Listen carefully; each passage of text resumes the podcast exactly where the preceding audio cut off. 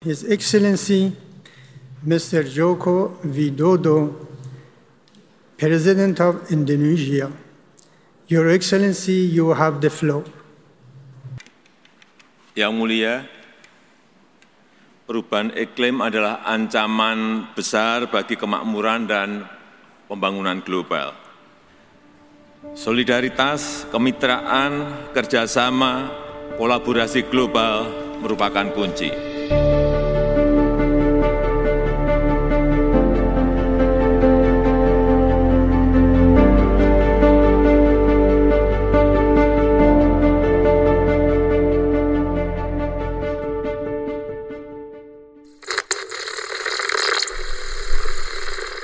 Anda sedang mendengarkan BTS Gedung Putih.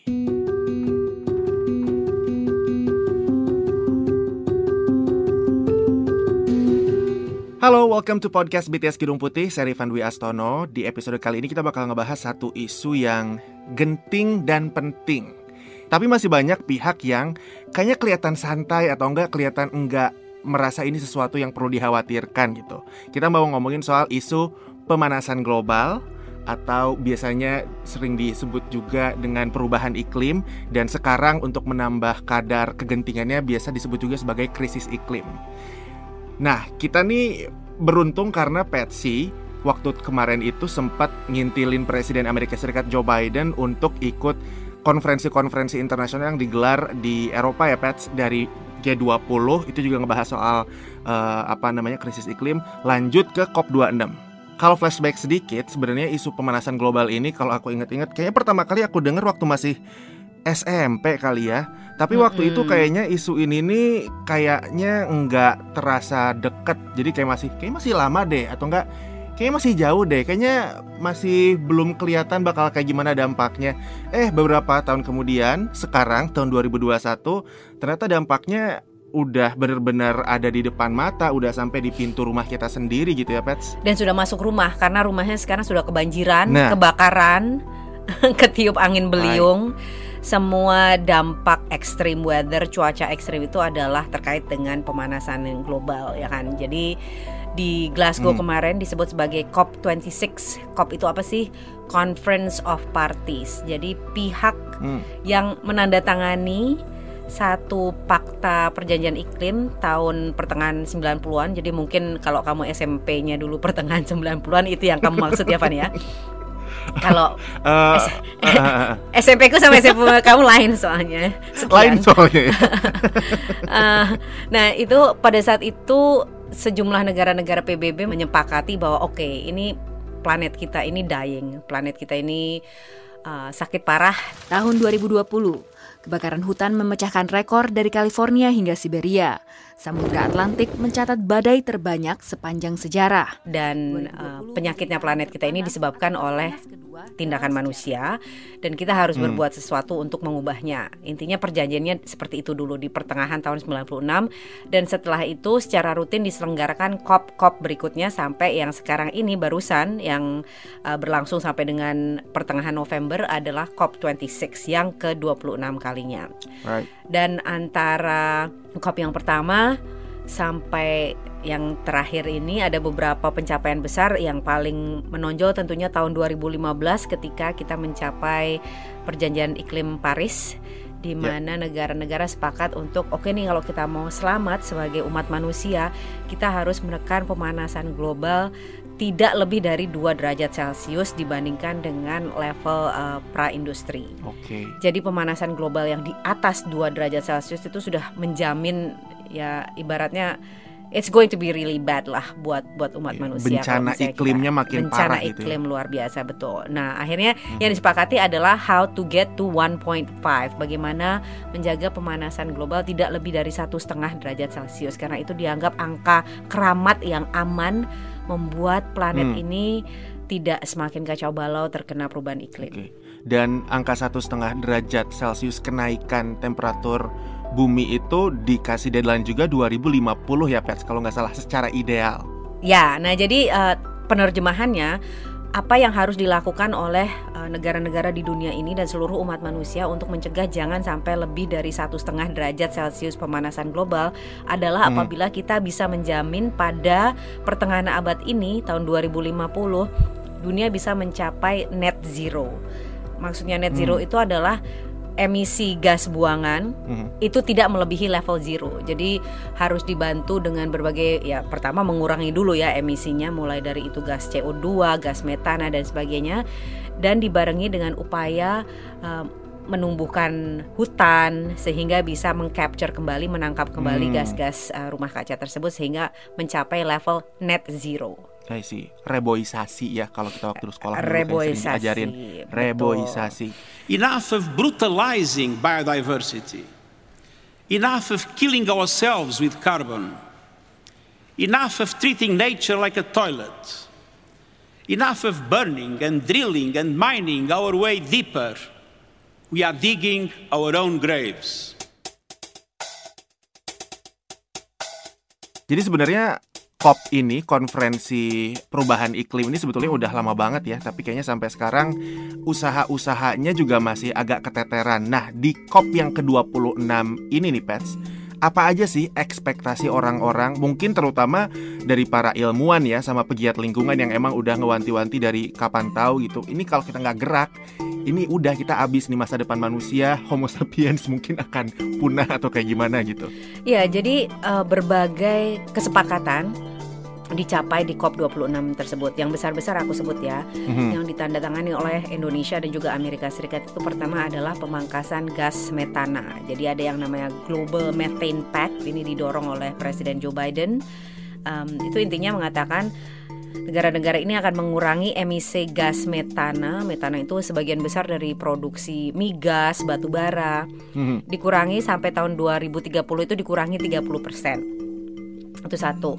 Kemudian okay. juga ada uh, kesepakatan untuk mengurangi menghentikan deforestasi. Ini ditandatangani oleh 100 lebih negara juga termasuk Indonesia yang mengatakan oke okay, kita berhenti deh berhenti uh, menggunduli hutan, membabat hutan dan ini penting kan karena yang namanya pohon dan hutan itu bisa menyerap uh, gas rumah kaca khususnya CO2.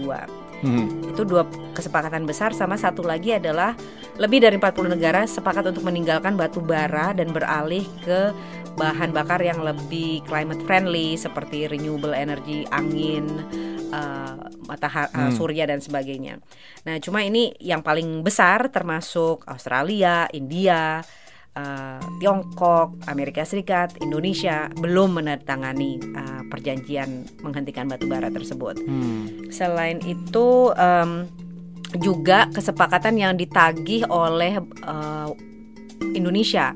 Indonesia ini kan peduli sekali sama yang namanya climate justice. Climate justice itu adalah konsep uh, yang sebetulnya sudah diawali dari sejak tahun 90-an ya. Awal 90-an itu ada yang namanya Kyoto Protocol. Mm -hmm. Kyoto Protocol itu intinya adalah kesepakatan yang mengatakan bahwa negara berkembang mm -hmm itu tidak memiliki beban yang sama dibandingkan negara maju karena negara maju kan sudah ratusan tahun nih mengalami masa industrialisasi hmm. sudah ratusan tahun menggunakan bahan bakar batu bara migas dan sebagainya sehingga ekonominya maju dan kaya right. nah sekarang giliran negara berkembang baru mau seperti itu kok diminta berhenti. So it's not fair. Jadi dianggapnya negara yang maju itu berperan lebih besar dalam hal uh, merusak lingkungan, menyumbangkan gas rumah kaca sehingga beban mereka pun lebih besar dan wajib membantu negara berkembang dengan dana iklim yang nilainya adalah 100 miliar dolar minimal per tahun dan akhirnya dicapai kesepakatan bahwa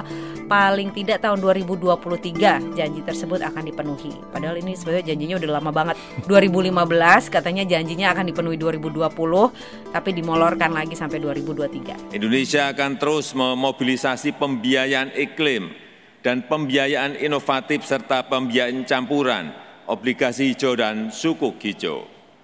Penyediaan pendanaan iklim dengan mitra negara maju merupakan game changer dalam aksi mitigasi dan adaptasi perubahan iklim di negara-negara berkembang. Nah, khusus untuk yang terakhir soal dana iklim sebesar 100 miliar dolar uh, per tahun, itu tuh ada uh, mekanisme yang udah disepakati apa belum ya Pet? Sekarang kan kalau janji-janji aja agak susah gitu untuk ditagihnya begitu nanti 2023 uh, sampai terus tetap belum ngucur juga dananya ada mekanisme yang di bawah PBB. Cuma ya memang itu kan nggak ada yang namanya polisi iklim dunia yang hmm. kerjanya nguber-nguber negara eh ayo bayar utang ya ayo penuhi uh, target emisimu kan nggak ada ya kan yeah. ini kan semua kesulitannya kesulitannya semua fakta fakta dan perjanjian internasional ini kan ya you know it's just an honor system aja kalau misalnya memang sudah berjanji ya dipenuhi atau tidak nanti pada saat ketemu lagi dan itulah yang menjadi masalah selama ini karena berbagai janji-janji ini akhirnya molor terus molor terus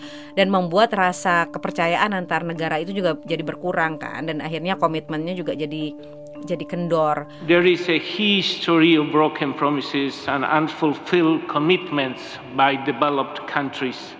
Contohnya misalnya perjanjian deforestasi. Mhm. Kesannya on on paper wah hebat banget nih, lebih dari 100 negara setuju untuk menghentikan penggundulan hutan. Yeah. Lah tapi kan tahun 2014 kita juga udah ada perjanjian serupa dengan itu, tapi terbukti tidak mampu bahkan menurunkan laju penggundulan hutan pun tidak.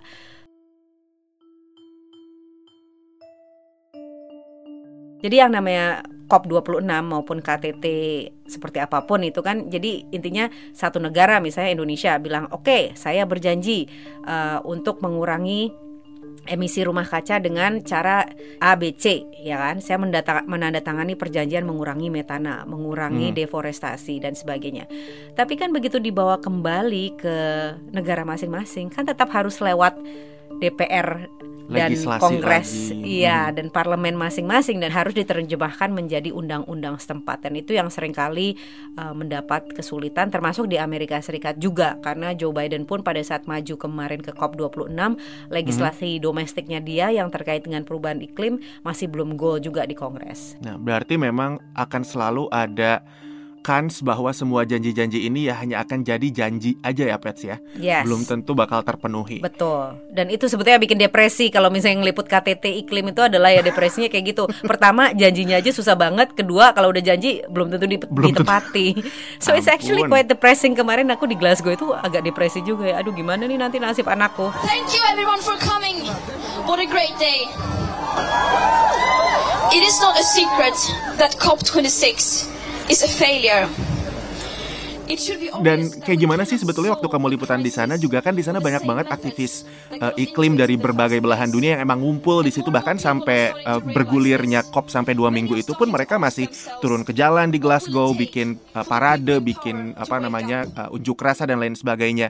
Nuansanya kayak gimana sih? Mereka merasa se sedesperate itu se apa ya seputus asa itu kah atau kayak gimana bisa digambarin ya sih? Pertama aku gambarkan dulu bahwa ini KTT luar biasa besar ya kan. Jadi yang yang hmm. datang itu ada 25 ribu delegasi dari dari sekitar 200 negara.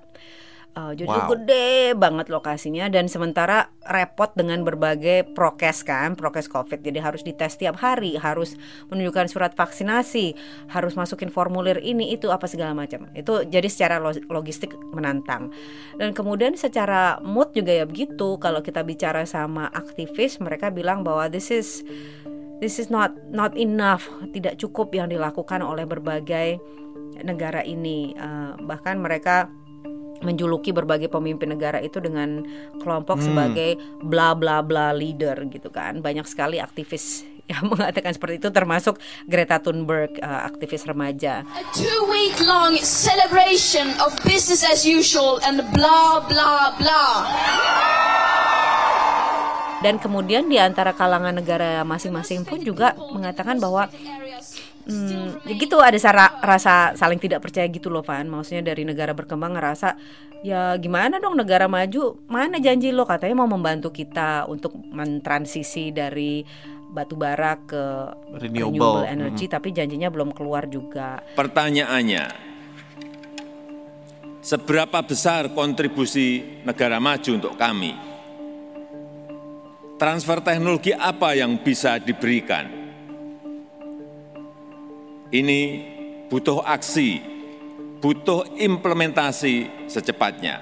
Sementara kalau dari negara maju, Ya, yes, contohnya seperti Amerika Serikat malah mengatakan bahwa mana nih Tiongkok sama Rusia kok nggak nongol, nggak ada komitmen apa pun. But the fact that China trying to assert, understandably, a new role in the world as a world leader, not showing up, come on dan itu memang emang benar sih bahwa yang namanya Tiongkok dan Rusia mereka tidak datang para pemimpinnya hmm. itu memang satu kekecewaan karena uh, berarti komitmennya juga dianggap kurang kurang penting kan sebab mereka termasuk emitor terbesar. Hmm. Dan ada yang menganggap bahwa ya tidak hadirnya Tiongkok ke COP26 ini karena ya mereka nggak punya penawaran baru apa-apa lagi untuk membantu menangani krisis iklim, benar nggak sih Pets?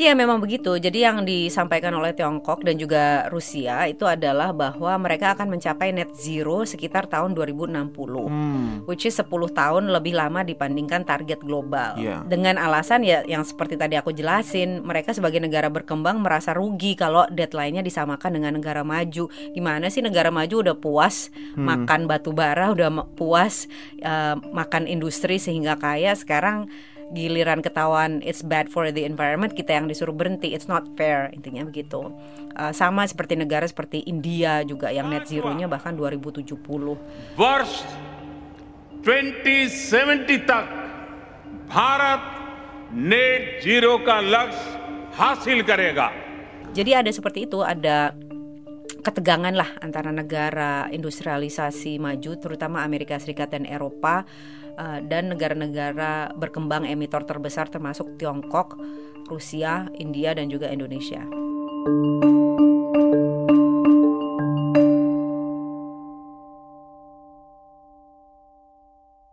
Nah, Pet, sekarang kita fokus ke Amerika lagi deh. Tadi kamu sempat bilang bahwa agenda iklimnya Presiden Joe Biden sendiri di dalam negeri gitu kan uh, istilahnya masih stuck, masih nggak maju ke mana-mana gitu.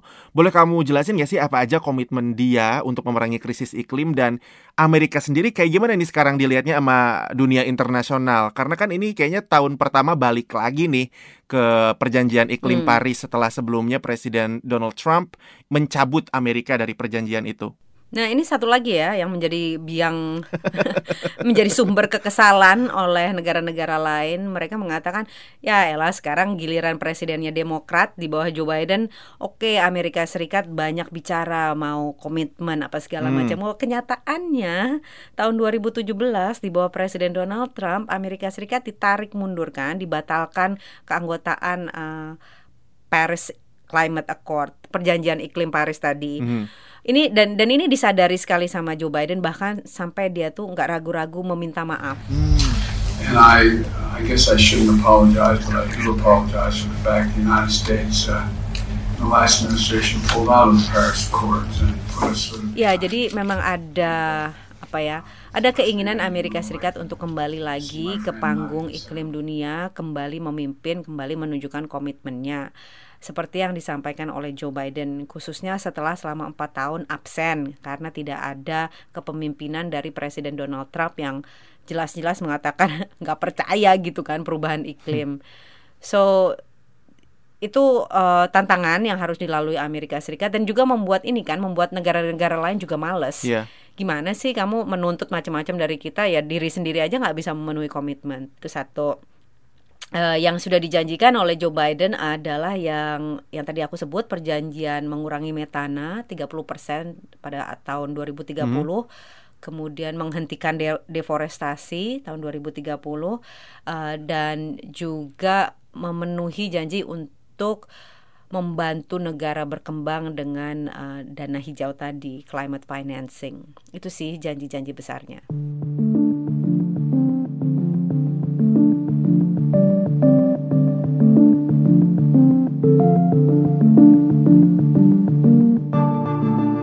Ini yang seru juga nih Pets. Kemarin waktu di COP26 Presiden Biden ketemu secara uh, bilateral bersama dengan Presiden Joko Widodo. Mereka ngomongin apa aja sih Pets? Um, jadi pers itu hanya boleh masuk di beberapa menit di awal pertemuan bilateral tersebut. Hmm. Kalau dilihat dari body language kedua pemimpin sih kayaknya relax ya, relax terus akrab. Hmm. Uh, Presiden Biden, it is an honor for me uh, to meet you again.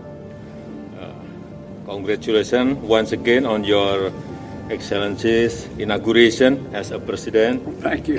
Terima kasih Pak. Thank I believe-. Terima kasih Pak untuk menerima itu. I believe Uh, under Presiden Jokowi mengucapkan terima kasih atas bantuan Amerika Serikat telah memberi vaksin 13,4 juta dosis ke Amerika Serikat. Lalu Presiden Biden juga mengatakan bahwa Indonesia merupakan mitra strategis yang vital yang penting untuk Amerika Serikat dan kepemimpinan Indonesia di kawasan Indo-Pasifik itu penting sekali. President, uh, Indonesia is a vital strategic partner of the United States, and uh, your leadership in the Indo-Pacific is essential. I'm looking forward to successful presidency of the G20 next year. Bapak Presiden Indonesia adalah merupakan Jadi pokoknya kalau dari on the surface it's very good. Dan memang betul bahwa yang namanya Presiden Biden ini sangat butuh Presiden eh, Jokowi, sangat butuh Indonesia khususnya dalam beberapa hal. Yang satu adalah untuk membendung pengaruh Tiongkok di kawasan, baik itu pengaruh ekonomi maupun pengaruh eh, militer ya kan, karena kan eh, Tiongkok ini sangat sangat gencar sekali meningkatkan aktivitas militer baik itu di Laut Cina Selatan, di Selat Taiwan Uh, dan ini Amerika Serikat sepertinya agak menekan Indonesia untuk lebih tegas dalam uh, you know standing up to Tiongkok untuk menolak berbagai um, ambisi militer Tiongkok di kawasan. Hmm. Cuma ya berat bagi Indonesia karena biar bagaimanapun Tiongkok ini adalah salah satu investor terbesar di Indonesia dan banyak sekali proyek-proyek infrastruktur Indonesia yang dibiayai oleh Tiongkok. Jadi kedua pemimpin itu uh, membahaslah yang namanya posisi Indonesia di dalam great power rivalry dalam rivalitas dua kekuatan besar di kawasan itu seperti apa. Selain itu tentunya isu perubahan iklim dan uh, pemulihan pasca pandemi juga dibahas oleh kedua pemimpin ini. Um, sama-sama sepertinya sepakat sih dari segi filsafah menghadapi masalah yang masalahnya G20 ini Hmm. uh, kedua pemimpin ini cocok sepertinya. Jadi em, secara diplomatis akan banyak kesempatan kerjasama antara Indonesia dan Amerika Serikat, khususnya setelah Indonesia menjadi presiden G20 nanti karena sebagai presiden kan sangat menentukan ini ya, menentukan tone atau menentukan agenda pembahasan dan sebagainya.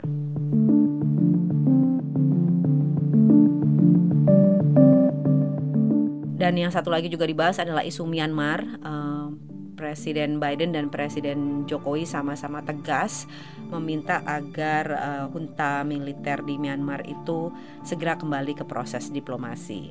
Jadi kalau dari Gedung Putih maupun dari sumber-sumber Kemlu yang saya ajak bicara sih eh, dua-duanya puas ya dengan dengan pertemuan tersebut dan juga sepaham terutama dalam menuju kepemimpinan Indonesia sebagai ketua G20 mulai bulan Desember nanti. Itu kan giliran Indonesia yang jadi ketuanya Right. dan KTT G20 tahun depan di Bali. Oh my god. Are you Saya coming? sudah mudah-mudahan ya. Kayaknya kalau misalnya sama bos dikirim orang lain aku bisa ngambek berbulan-bulan kalau bukan aku yang dikirim. Gimana sih pulang kampung masa nggak dikasih?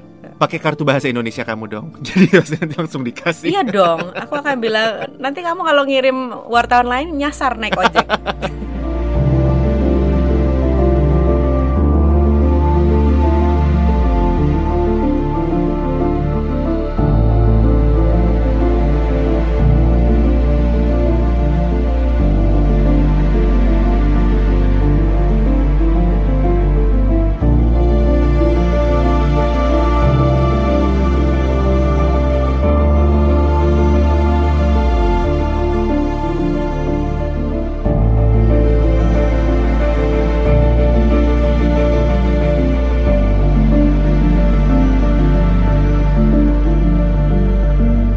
Dinamika politik Amerika Serikat bersama Kepala Biro Gedung Putih VOA Patsy Widakuswara dalam podcast produksi VOA Indonesia BTS Gedung Putih.